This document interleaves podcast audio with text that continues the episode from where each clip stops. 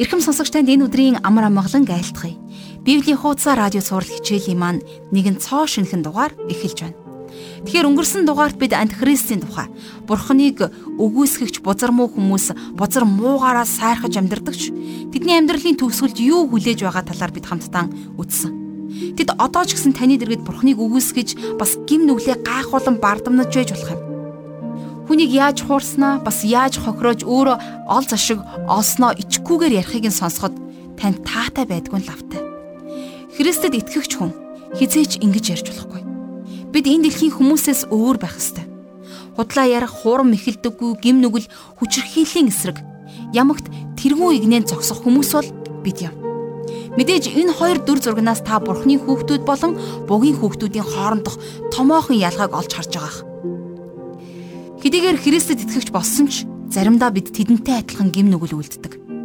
Харин хамгийн гол нь ямар ч үед гим нүглээрээ сайрхалгүй харин толгой гудайлган гимших хэрэгтэйг энэ хэсгээс бид хамтдаа сурсан. Муу ярын сүнсний ятгалганд унах, сорилтонд унахгүй. Итгэгч бидэнд тохиолдохгүй биш, харин ч тохиолддог зүйлс. Тэгвэл өнөөдрөөс эхлэн ямар ч нөхцөл байдлын дунд амьдарч байсан та Бурхны хайр инрэлт мөнхөд итгэж зөвхөн Бурхан эзнээ л найдан хүлээж амьдраач гэж би таныг уриалж байна. Хавчин гадуурхагдж байсан ч гэсэн зүвт байдлаасаа болж шудраг бусаар зовоогдож шаналж байсан ч гэсэн Бурханаас зуурсан гараа та битгий тавиарай. Яагаад гэвэл Бурхан бол зөв шударгын эзэн бөгөөд тэр зөв шудраг хүмүүсийн өмгөөлөгч юм аа. Зовлон бэрхшээлийн дунд Бурханыг дуудагч нэгнийг Бурхан гарцаагүй авардаг гэж түүний үг бидэнд илчлэн харуулдаг. Ингээд хамтдаа өнөөдрийн шинэ хичээлд орцгоё. Бид өнөөдөр дуулал 56-аас 60 дугаар бүлгийг дуустал хамтдаа уншиж судлах болно. Ингээд хичээлийн эхэнд уламжлал 9-ороо залбирцгаая. Бузар муу бүхнээс өмгөөлөн хамгаалагч бурхан эзэн минь. Таньда баярлалаа Иесус. Энэ өдөр та бидэнд таны үгнээс суралцах энэ завшаантай цагийг өгч байгаа учраас баярлалаа аваа. Та энэ өдөр бидэнд өөрийн ариун сүнсээрээ дамжуулан та үгээ ухааруулan ойлгуулаач. Бидний амьдралд айж дүгших шудраг бусаар хохирч, шудраг бусаар дарлагдахгүй олон гардаг ч гэсэн харин яг тэр цаг үеүүдэд бид бурхан танаас суурдаг байхад та бидэнд туслаач. Таныг хувиршгүй, хөдлөшгүй үннийг ухаарч, тэрхүү үнэн дээр бат цогсдог хүмүүс болгож өгөөч. Айж сандрах үе бидэнд гардаг ч гэсэн яг тэр цагта улам бүр танаас зуурдаг хүмүүс байхад та туслаач аваа. Энэ цагийн хичээлийг эхнээс нь дуустал таны мотор төргөж эзэн Есүсийн нэрээр залбирanгуйж байна. Амен.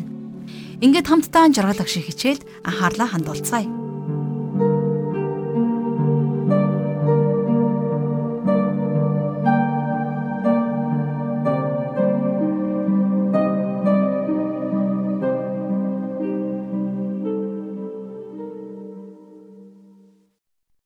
За өнөөдрийнхөө хичээлээр бид хамтдаа дуулал номынхон дөрвөн бүлгийг за тухайлах юм бол 56-аас 60 дугаар бүлгийг хамтдаа судалцгаах болно. Эдгээр багц дуулуудыг хамтд нь нэгтгээд мигтам дуулууд гэж нэрлэдэг.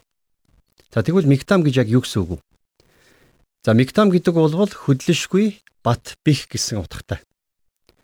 За мигтам гэдэг үгийг хэрвээ махчлан орчуулах юм бол сийлэгдэн үлдсэн гэсэн утгыг илэрхийлдэг. Өөрөөр хэлэх юм бол мигтам гэсэн энэ үг нь хөдлөшгүй, хувиршгүй, бат бих гэсэн утга санааг илэрхийлдэг еврей үг байх нэ. За 57 дугаар бүлгийн 7 дугаар ишлэл дээр Давид зүрх сэтгэл минь бат байна хэмээн тунх гэсэн байдаг. Энэ бол мигтам байна тийм ээ. За хамтдаа эхлээд 56 дугаар бүлгийг үзье. Тэгэхээр 55 дугаар бүлэг дээр Давид тагтаа шувуу мэд жигүүртэй бол алсхол нисэн одож амьдрахсан гэж шүлгэлсэн байсан. Харин 56 дугаар бүлэг дээрээс зовлон бэрхшээлийн дундах Давидын урам зориг итгэл найдвартай байгааг бид харах болно. Давидын хувьд дайсны зөвхөн тэрний эсрэг талд байгаагүй. Давидын өөрийнх нь дунд ч гэсэн дайснууд байсан. Ер нь хаасаагүй Давидын дайснууд байсан. Тийм ч учраас Давид маш ихээр зовж шаналж байсан. Харин бурхан тэрнийг авран хамгаалсан. Түүхэн талаас нь бол 56 дугаар бүлгийг Давид хаан Гатад филистчүүдэд олзлогдсон тэр үйл явдалтай холбоотой байдаг. За нэг талаасаа Давидын энэхүү дуулал бол тухайн үеийн Давидын амьдрал тохиолдсон үйл явдал мөн боловч за ирээдүйд Израилийн бурханлаг үлдгэстэд тохиолдох үйл явдлын зөгнөл иш үзүүлэг юм. За бас өнөөдрийн бидний зургсэтгэлд хандсан үгс чигсэн энэ дотор байгаа. За 56 дугаар бүлэг эхэндээ удирдаачид алсад байгаа чимээгүйхэн тагтаан аялгуунд Филистчүүд Давидыг Гатад барих үеийн Мигтам гэж эхэлж байгаа. Хамтдаа 56 дугаар дуулалын 1-ээс 2 дугаар ишлэлийг одоо уншицгаая. Бурхан намайг инрээч. Учир нь хүмүүс намайг гიშгчиж бүхэл өдөржин намайг дарангуйлж байна. Дайсаг нэгсэд минь намайг өдөржин гიშгчиж байна. Учир нь миний эсрэг довтлогчд олуулаа билээ. Хамгийн дээд эзэн. За энэ үед бол Давид их хүнд байдал орсон байсан. Тэрний эргэн тойронд дайснууд нь бүчиж хаасайгүй хүмүүс тэрний эсрэг хувилдж байсан. Нэгүгээр хэлэх юм бол Давидын хувь тавилан дээсэн дөрөөн дээр динжигэнж байсан байна. А гэхдээ яг энэ хүнд хэцүү нөхцөл байдал донд Давид яг ямар хариу үйлдэл үзүүлсэн бэ? Хамтдаа суралцгаая. 3 дугаар ишлэлээс айдастай өдрүүддээ би танд итгэн найдана. За энэ хүү хүнд за бүр маш хэцүү нөхцөл байдал донд Давид айж сандарч байсан болов. Мэдээж хүн л улсан хойно айж л байсан. Заримдаа та бидний дотор өөрийн ирэхгүй айдас жихүүц төрдөг тийм ээ. За айхаас аргагүй байдалд орох тохиолдол зөндөө байдаг. А гэхдээ биш үү? Олон тохиолдолд айдас бидний амьдралд итгэлийг бий болгож байдгийг. Давидын юу гэж хэлсэн бэ? Айдастай өдрүүддээ би танд итгэн найдана гэсэн тийм ээ. Тэгэхэр байж та юунаас ч би айдгүй гэж хэлж байгаа хүмүүсийн хувьд бол нэг бол тэд нар худлаа хэлж байгаа. А нэг бол тэд нар бодит байдалд а өмнө толгорсон асуудалд мэдрэмжгүй хандаж байна гэсэн үг. За Давидын хувьд гэх юм бол тэр айж байгаагаа хүлээн зөвшөөрч байсан. А гэхдээ бурхан өөрийг нь хамгаалan сахих болно гэдэгт Давид итгэж байсан байна.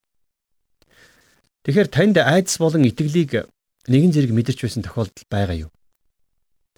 1-р Иохны 4:18 дээр хайрын дотор айдас байдаггүй.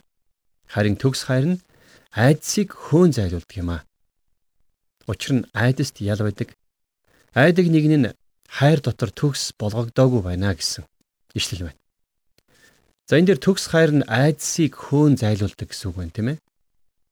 А гэхдээ итгэл байгаа хэдий ч гэсэн айх үе бидэнд мэдээж биш үе тохиолдно.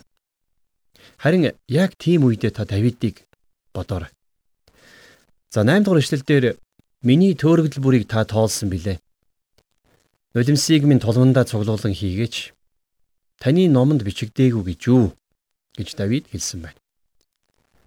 Та бидний Бурханаас төөрөн одсон тохиолдол нэг болгоныг Бурхан нэг үрчлэн мэдэж байдаг. За Давид нулимсыг минь тулмандаа цуглуулan хийгээч гэж хэлсэн байна тийм ээ. Тэгэхээр эртний дорн дахинд хин нэгэн хүн нас барах үед ойр дотны хүмүүс гашуудан уйлсан нулимсаа тусгай тулманд цуглуулад булшинд нь хийж хичнээн ихээр гашуудж байгаагаа илэрхийлдэг байсан гэдэг. Давидын яг энэ ишлэлийг алдарт зохиолч Джон Бунян тайлбарлахдаа Бурхан бидний нулимсыг арчхын тулд бидний нулимсыг тулманд а гэж хэлсэн байдаг. Үүнхээр зовлон бэрхшээлийн дундах бурханлаг хүмүүсийн нулимсыг Бурхан нандинг нь хадгалдаг гэж би итгэдэг. Хавчлаг дарамтан дундах бурханлаг хүмүүсийн нулимсыг Бурхан тулмандаа хадгалж өөрийн эрдэнэсийн хайрцагтаа хадгалж а гэж би боддгоо. За үргэлжлүүлээд 10 дугаар ишлэл. Бурхан дотор би үгийг магтана. Эзэн дотор би үгийг магтана. Заримдаа үл итгэгч хүмүүс итгэгч хүмүүсийг дандаа л Библи ярьж байх юм. Өөр та нарт ярих юм байдгүй мүү гэж даапалж байдаг л да. А гэтэл үнэндээ Давид ч гэсэн бас үргэлж Бурхны үгийг ярьж, Бурхны үгийг тунгаан боддог байсан юм. Давид үргэлж Бурхны үгийг магтдаг байсан. Өнөөдөр итгэгч бид нар ч гэсэн бас Давид шиг Бурхны үгийг хайрладаг. За Бурхны үгийг магтан алдаршуулдаг байх учиртай. 11-ээс 13 дугаар ишлэл. Бурханд би итгэсэн бөгөөд айхгүй. Хүн надад юу хийж чадах вэ? Бурхан таны төлөөх ам өчгөө над дээр байна. Би талархлын тахилуудыг танд өргөнө. Учир нь та амийг минь үхлээс, хөлийг минь бүдрэхээс аварсан бөгөөд амьдын гэрэлд Бурхны өмнө намайг алхуулахын тулд тэгсэн билээ. Бурханд итгэж найдаж байгаа хүн айдсыг ялан дийлж чаднаа. Та бидний бүх итгэл найдвар бүх хүч чадал зөвхөн Бурханаас л ирдэг.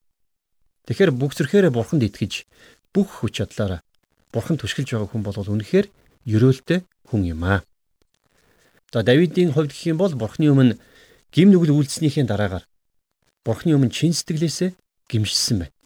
Тухайн үед Давидын хийсэн гим нүглийг бол Бабилоны хаан бол өдөр бүр шахуу үлддэг байсан. Бабилоны хааны хувьд бол энэ гим нүгэл ердийн л үзэгдэл болсон байсан. Харин Давидын хувьд бол тийм байгаагүй. Давид би амьдын гэрэлд Бурхны өмнө алхахыг хүсэж байна гэж хэлж байна. Тэгвэл өнөөдөр та бид нар ч гэсэн бас Давид шиг Бурхны өмнө алхаж амьдрах учиртай. Энийг шин гэрээн дээр ариун сүнсээр удирдуулан амьдрах амьдрал гэж нэрлсэн байдаг. За Галат номын 5-ын 16 дугаар ишлэгийг харах юм бол Паул ингэж хэлсэн байгаа. Харин сүнсээр яв. Тэгвэл та нар махбодын хүслийг гүйцэлдүүлэхгүй гэж би та нарт хэлнэ гэж. Бурхан биднэртэй хамт алхахын тулд биднэрт зүгээр нэг таяг төдийхнийг өгөөгүй. Харин тэр бидэнд ариун сүнсээ өгсөн. Тэгэхээр энэ бичигдсэнчлэн сүнсээр явна гэдэг бол Бурханы ариун сүнснээс бүрэн хамааралтай амьдрахыг хэлж байгаа юм. Энэ бол зүгээр нэг хий хоосон онолтой хөөцөлдөх биш. Харин өдөр тутмын амьдралдаа бурхнаас хамааралтай амьдрах амьдралыг хэлж байна. За хожим бид нар Галаад номыг үзэхдээ энэ талаар илүү дэлгэрэнгүй судлах болно. Сонсогч танд Библийн боловсрол олгох Библийн хуудасар радио хичээл хурж байна. Санал бодлоотой 8983 1045 хуудсанд хандаж хэлээрэй. Бас манай Facebook хуудасар зочилж болно. Хаяг нь facebook.com bibлийн хуудасар. Бид нэр тухтай буудан сандал дээр шигдэн суух биш. Харин сандлаас үсрэн босоод бурхантай хамт алхаж эхлэх нь л чухал юм. Ингэж бид нэр итгэлээр алхаж явахдаа дахин дахин бүдэрч унахал болно. Гэхдээ бид нэр тэр бүртээ өндийн босоод тийм ээ тоосоо гөвөд үргэлжлүүлэн цаашаа алхах хэрэгтэй. Хэрвээ та бурхантай хамт алхна гэсэн шийдвэрийг гаргаад өдөр тутмын амьдралдаа бурхнаар өдөрдуулан амьдрахаар хичээнгүйлэн оролдож эхлэх юм бол ариун сүнсээр өдөрдуулан амьдарч сурах болно. За энд хүрээд 56 дугаар бүлэг өндөрлөж байгаа. За цааш нь хамтдаа 57 дугаар бүлгийг одоо эхлүүлцгээе. За энэ бол Мигтам дуулуудын 2 дахь дуулал байгаа юм. За хэрвээ бид нэр 57 дугаар бүлгийн эхний хэсгийг харах юм бол энд ингэж бичсэн байна. Удирдаачд бүү устгаач аялгуунд Саулиас агуур зүхтах үеийн Давидын Мигтам гэсэн байна. За их сонирхолтой тийм ээ энд бүү устгаач гэдэг нэртэй аялгуу гэсэн нэгэн шин тодтголыг бичсэн байна. Давид Саулиас амь золбон зүхтаж байхдаа яг энэ дуулыг бичсэн байдаг. Тэгэхээр Давидын хувьд Саулаас зугтан амьдарч байхдаа мөксөн тэнгисийн эргээр Ингээди гэдэг нэртэй газарт хорогдож нуугдсан байна. За тэрхүү газар болвол далайн түвшнээс доош байрлалтай за их халуун газар байсан. Зундаа тэнд хүн тогтохын аргагүй халуун байдаг бол харин өвөлдөө нилээд дулаахан их таатай сайхан газар байдаг. За нөгөөтэйгөр энэ нутаг бол эзгүй зилүүд нутаг. Тэгэхээр Давидын хорогддог байсан Адуламын агууч гэсэн бас тэнд байдаг байсан. Библийн олон судлаачид Давидыг энэхүү дууллаа Адуламын агууд байхдаа бичсэн гэж үздэг. Давид амьдралынхаа энэ л үед олон олон яруу сайхан дуулуудыг бичсэн байна. Тэгэхээр Давидын энэхүү дуулууд дотор хожим ирэх Месиа, аврагчийн идэлх зовлонг маш олон удаа зөгнөн иш үзүүлэн дүрсэлсэн байдаг. За нөгөө талаас эдгээр дуулууд нь өнөөдрийн та биднэрт ч гэсэн бас их гайхамшигтай ивэл ерөөл болсоор байна. За ингээд 57 дугаар дууллаад илгээд нэгдүгээр ишлэгийг одоо уншийе. Намайг өршөөгөөч бурхан. Намайг өршөөгөөч. Учир нь сэтгэл минь таны дотор хорогдож байна. Таны жигүүрийн сүүдэрт би хорлол өнгөртөл хорогдноо. Таны хувьд ямар байдгийг би мэдэхгүй. Харин Миний хувьд бол би хөвчлэн бурхны өмнө ирээд яг л Давид шиг бурхан минь намайг өршөөгөөч ээ гэж залбирдаг. Бурхан үнэхээр надад өршөөнгөө хандаасаа гэж би хүсэн хүлээдэг. Бурхан надад шудраг ёсны дагуу хандаасаа гэж би үнэхээр хүсдэггүй. Хэрвээ бурхан надад шудраг хандах юм бол би үнэндээ бол тисч тогтож чадахгүй. Хэрвээ бурхан надад шударгаар хандах юм бол би бурханы савааталтыг хайр нэргүй хүртэх ёстой болно. Тэм учраас би бурханы өршөөл нэгүслийг өөртөө хүсэн залбирдаг. Бидний бурхан бол өршөөл нэгүслэр дүүрэн бурхан. Та бид нар бурхнаас хичнээн их өршөөл нэгүслийг хүснэ, төчнөөн их өршөөл нэгүслийг хүлээж авах болно. Яагаад гэвэл бидний бурхны өршөөл нэгүсэлд химжээ хязгаарч байдгүмаа. За Давид таны жигүүрийн сүудэрт би хорлол өнгөртөл хорогдно гэж шүлгэлсэн байна тийм ээ. Тэгэхээр Давид бурхны дайл жигүүрийн сүудэрт хорогдож хорлол хөнөөлөөс аврагддаг байсан. Харин Израильчууд бол Давид шиг байж чадаагүй. За Есүсийн Матай 23-ын 37 дээр халагдаж хэлсэн нэг үг байдаг тийм ээ. Иерусалима, Иерусалима иш үзүүлэгчдийг алж өөрт нь илгээгдэгсдийг чулуугаар нүүлэгдэг хотоо. Дахиад игдэхнүүдэд алавчин дорой бөөгнүүлдэг шиг би хүүхдүүдийг чинь цуглуулахыг хичнээн ч удаа хүслээд харин та нар хүсээгүй гэж. Тэгвэл Израильчууд Давид шиг бурхны жигүүрийн сүүдэрт хорогдохыг хүсээгүй. Харин та хүсэж байгаа юу? Өөрөөр хэлэх юм бол та бурхны өмнө дуулууртайгаар алхаж бурханд итгэж түүнд найдан амьдрахыг хүсэж байгаа юу? Иохны 14-ийн 15 дугаар ишлэлдэр Есүс хэлэхдээ Та нар намайг хайрладаг бол тушаалуудыг минь сахих гэсэн байна. За 2-оос 3 дугаар ишлэлийг одоо хамтдаа уншийе. Давид үргэлжлүүлээд би хамгийн дээд бурханд миний төлөө зорилгоо биелүүлдэг бурханд хашгирна. Тэрээр Тэнгэрээс илгээж намайг аварна. Намайг залгихаар завдагчдыг зэмлэнэ. Села. Инрэл хайр ба үннээ бурхан илгэнэ гэсэн байна. Үнэхээр Бурхан бидний амьдралд хандсан өөрийнхөө зорилгыг биелүүлдэг Бурхан. Зовлон бэрхшээлийн дунд Бурхан биднийг авардаг. Хожим нь Есүс Христ энэ дэлхий дээр сүр жавхлантайгаар дахин ирэх тэр үед ч гэсэн бас энэ үгс биелэлээ олох болно. За тэр цагт бид нар бүгдээрээ Исаи номын 25 дугаар бүлгийн 9 дугаар ишлэлдэр бичигдсэнчлэн үзэгтэн энэ бол бурхан маань байна. Тэр аврахыг бид хүлээж байсан. Энэ бол хүлээсэн эзэн маань ажээ. Түүний авралт бүгдээрээ баясан цэнгэцгээе гэж хашгирах болно. За дөрөвдүгээр ишлэлдэр Давид үргэлжлүүлээд миний аим арслангуудын дунд байна. Би гал гаргагч хүний хөвгүүдийн дунд хэвтэж байна. Тэд жад ба сум мэд шүдтэй бөгөөд хилэн хурц илд юм а гэсэн байна. За Петр өөрийнхөө бичсэн анх дугаар загтлын 5 дугаар бүлгийн 8 дугаар эшлэлдэр нэгэн болгоомжлыг биднэрт хэлсэн байдаг тийм ээ. За энэ болгоомжлол бол диаволын тухайн болгоомжлол. Эрүүл ухаантай сонор сэрэмжтэй бай. Та нарын өрсөлдөгч болох диавол нь хин нэгнийг залгихаар хайж байгаа архирах арслан мэд гитэн явдгаа гэж. Тэгэхээр сатан буюу муу сүнс олзоо залгихаар явж байгаа арслантай яг адилхан. Тэрнтэй хамт маш олон арслангууд хамтдаа гитэн явдаг. Тийм учраас та бид нар бүгдээрээ эрүүл ухаантай, сонор сэрэмжтэй байх учиртай. За бидний одоогийн судалж байгаа эдгээр дуулууд бол мигтам дуулал гэдгийг бид нар мартаж болохгүй. Өөрөөр хэлэх юм бол энэ нь өөрчлөгдөшгүй, хувиршгүй үнэн юм. За цааш нь 7-оос 8 дугаар ишлэлийг хамтдаа уншийе. Зүрх минь бат байна. Аяа бурхан. Зүрх минь бат байна. Би дуулна. Би аялгуулан дуулна. Сэтгэл сүнс минь сэрээч. Босоо ятгава ятга сэрээч. Үүрийн гэгээг би сэрээе. За энэ бол үнэхээр үзэгсэлэнтэй зүйлэл байна. Гим нүгэл, бозар муухай, зовлон шаналлын шүн дуусч ялалтаар дүүрэн өглөө ирэх болно. Сатананы ноёрхол нуран унаж Есүс Христийн хаанчлал шин өглөө мэт энэ дэлхий дээр ирэх болно. Зөвхт байдлын нар болсон Есүс Христ Та бидний дээр мандаж бид нарыг өөрийн жигүүрийнхээ дор халахалж бид нарыг эдгээж биднийг хүчрэгжүүлэх болно. Гайхамшигтай биш гэж юу? Энэ бол хизээд хувиршгүй хизээд хөдөлж ганхашгүй үнэн юм аа.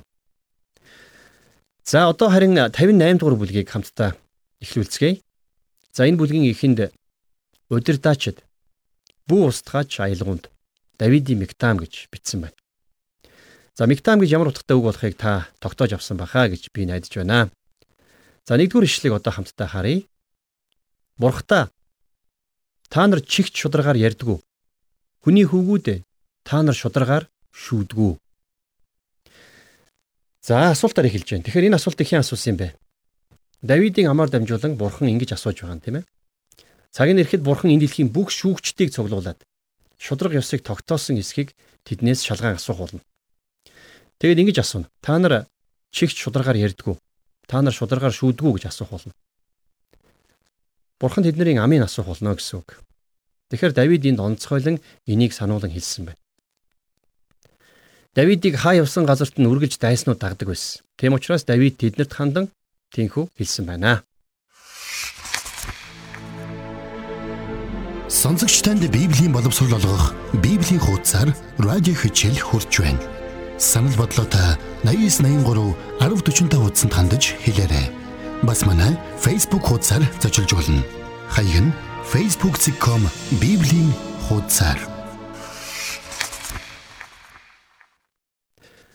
За цааш нь 3-аас 6 дугаар эшлэлдэр Давид буруутууд ихийнхэн хөвлийнээс эхлэн алдуурсан байдаг. Төрөлхөөсөө төөрөлдсөн тэд худал ярина. Тэдэнд могоон хортой адил хор бий. Тэд жихээ бүглэх дүлий наж могоотой адил тул тарин холбогч шившлэгчийн дуу хоолойг сонсохгүй. Бурхан аман доторх шүдийг хуглаач. Эзэн залуу арслангийн арааг химхлээчээ. За 58 дугаар бүлэг дээр Давид өөрийнхөө дайснуудад 6 төрлийн сүрлийг тунх гэлж байна. За нэгдүгээрт нь Давид залуу арслангийн арааг химхлээжээ гэж хэлсэн байна тийм ээ.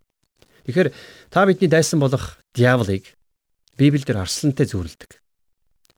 Бурхан сатааны шүдийг загалмайгаар дамжуулан хуг цогсон. Харин Давидын хувьд өөрийнхөө дайснуудыг Бурханд даатхан залбирахдаа тэдний шүдийг хугалж арааг нь химхлээчээ гэж залбирсан. За дараагаар нь Давид юу гэж залбирсныг 7 дугаар ишлэлээс үргэлжлүүлэн харъя. Урсаж байгаа ус шиг тэд зайлан явг. Түүнийг сумаа хөвчлөх үед тэднийг хуглаач. За тэр үед бол Давидын амьдралд бозар муу хүмүүс үерийн ус шиг хүчээ авцсан байсан. Харин Давид тэднийг ус мэд урсан одохын төлөө залбирч байна тийм ээ. За энэ бол Давидын хоёр дахь хүсэлт байсан. За 3 дугаарт нь Давид сумаа хөвчлөх үед та тэднийг хуглаач ээ гэж залбирсан. За бузар мөн хүмүүс болвол гимгүү хүмүүс рүү сум харван шахтуулдаг. Харин Давид тэднийг хугалж өгөөч ээ гэж залбирсан байна. За 8 дугаар ишлэл. Задран сариндаг эмгэн хумс шиг үгүй болгооч. Нарыг хизээч үзээгүй золбдос шиг болгооч.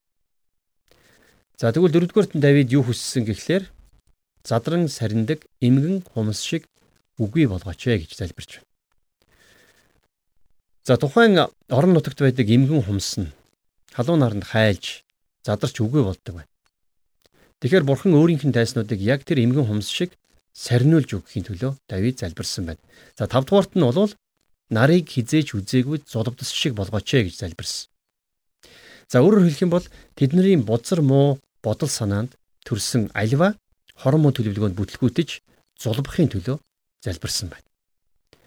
Өнөөдөр ч гэсэн бас хормон хүмүүсийн төлөвлөгөө ийхүү бүтлгүүдэх болтугай. За 9 дугаар эшлэл.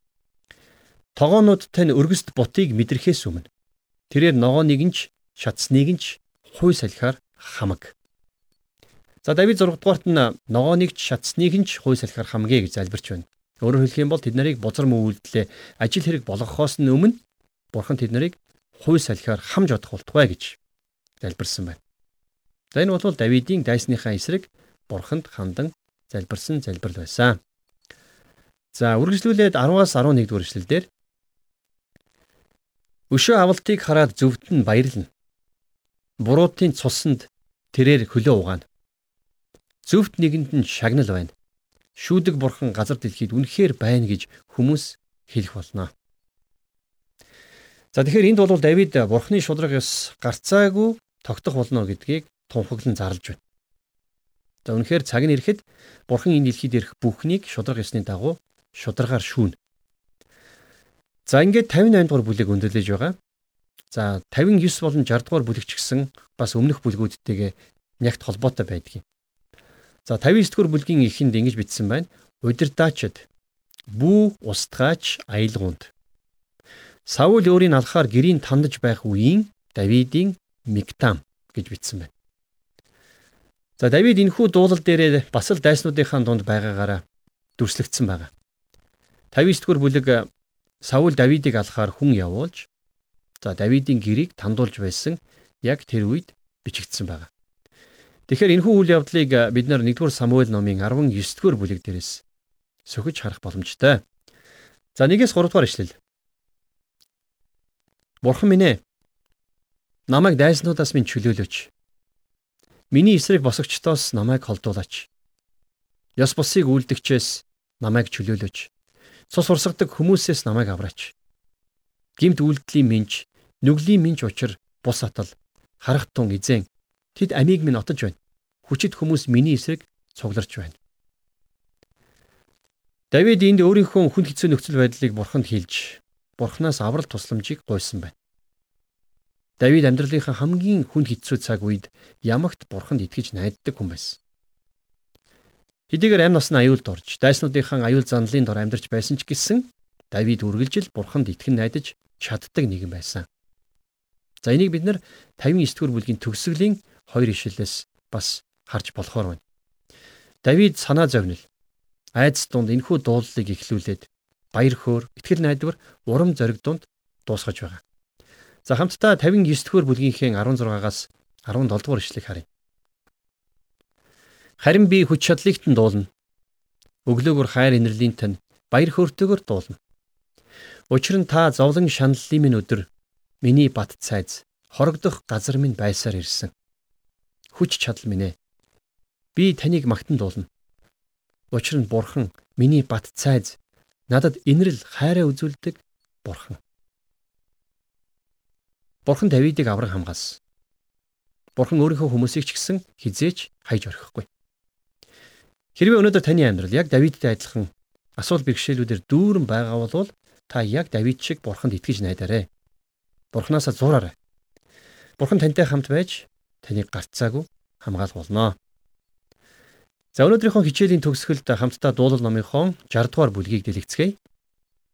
За 60 дугаар бүлэг бол Давидын багц Мигдам дуулалуудын хамгийн сүүлчийнх нь.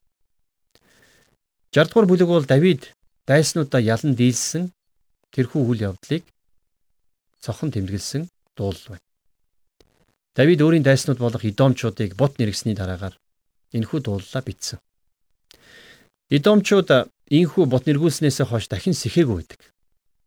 За энэ бүлгийн эхэнд удирдаачид Шушан идүүдийн дагуу Арам Нахарим болон Арам Зоба нартай Давид тэмцэлдэх үед Йоав буцсан ирж Давст хөндийд Идомын 12 мянган хүнийг устгасан үеийн сургахад зориулсан Давидын Мигтам гэж тодорхойлон оршисон байна.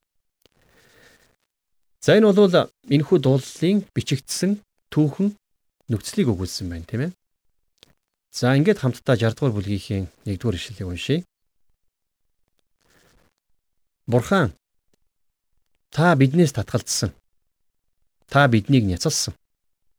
Та уурлан хилгэнсэн биднэр рүү эргэн хараач.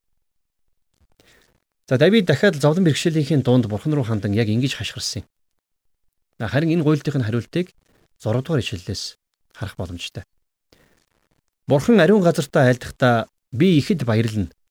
Би Шихемийг хувааж Сукотын хөндийг химжинэ гэсэн байна. Тэгэхээр бурхан тэдний залбиралд нь хариулж дайснуудыг устгах болно гэж амласан байна тийм ээ. А тэгээд бурхан тэднэрт ялалтыг амласан. За 9 дугаар эшлэлдэр хин намайг бэхлэгдсэн хотод авчрах вэ? Хин намайг Идом руу хөтлөх вэ гэсэн. За Идомчуудын эсрэг хэн бидний хөтлөх юм бэ гэж Давид асууж байна. За энэ асуултын хариултыг бид 60 дугаар дуулалынхаа 11-ээс 12 дугаар ишлэл дээрээс харж болно. Өстний эсрэг бидэнд туслаач. Учир нь хүнээр авруулах нь дими хоосон юм. Бурхантай хамт бид зоригтой байна. Өстнүүдийг манд гიშгэлэгч нь тэр вэлээ. Өнөөдөр итгэгч та бидэнд төгс ялалтыг өгөгч нэгэн болвол бидний бурхан эзэн. Тэгэхээр бид нар хүнд найдах биш. Харин бурхандаа найдаж амьдрах хэрэгтэй. Та бид нар бурхантайгаа байх үедээ урам зоригтой итгэл найдвараар дүүрэн амьдрч чаднаа.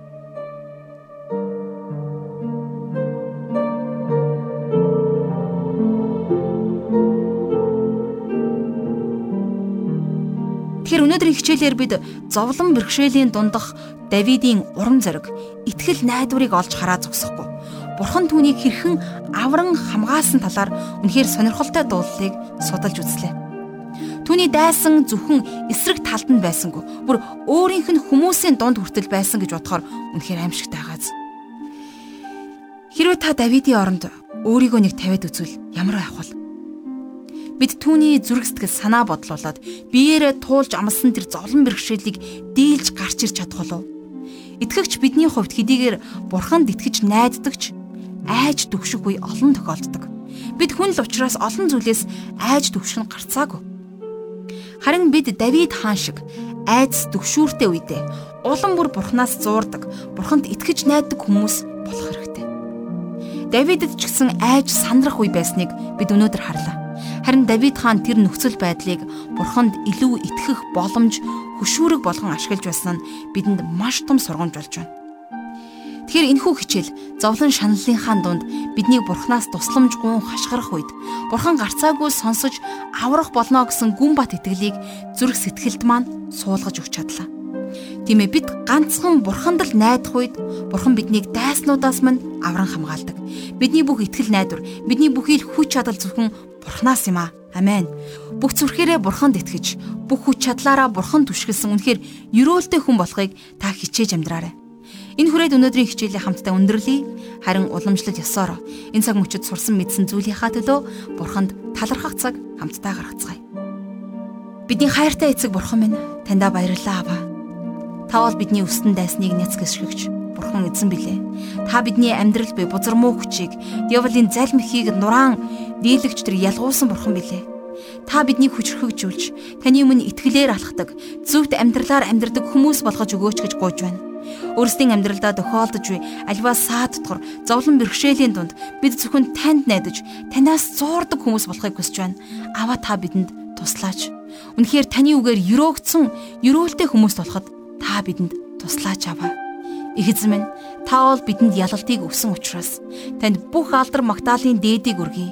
Эр хөдрүүдийн туршид бидний өнөөдөр сонсон суралцсан хичээлийн дагуу үйлдэх үед эзэн таны үг бидний амь амьдралаар дамжуулан хэрэгжих үед мөнхийн эзэн минь та алдарш болтугай. Бүх зүйлийг танд өргөж эзэн Есүсийн нэрээр залбирanгуйж байна. Амен.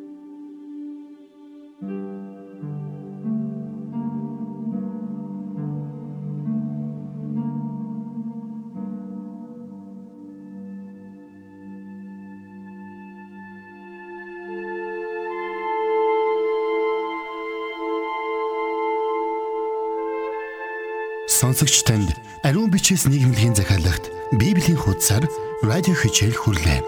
Энэхүү хичээл маань танд даваагаас баасан гарагийн 14 цаг 5 минутаас хүрч байх болно.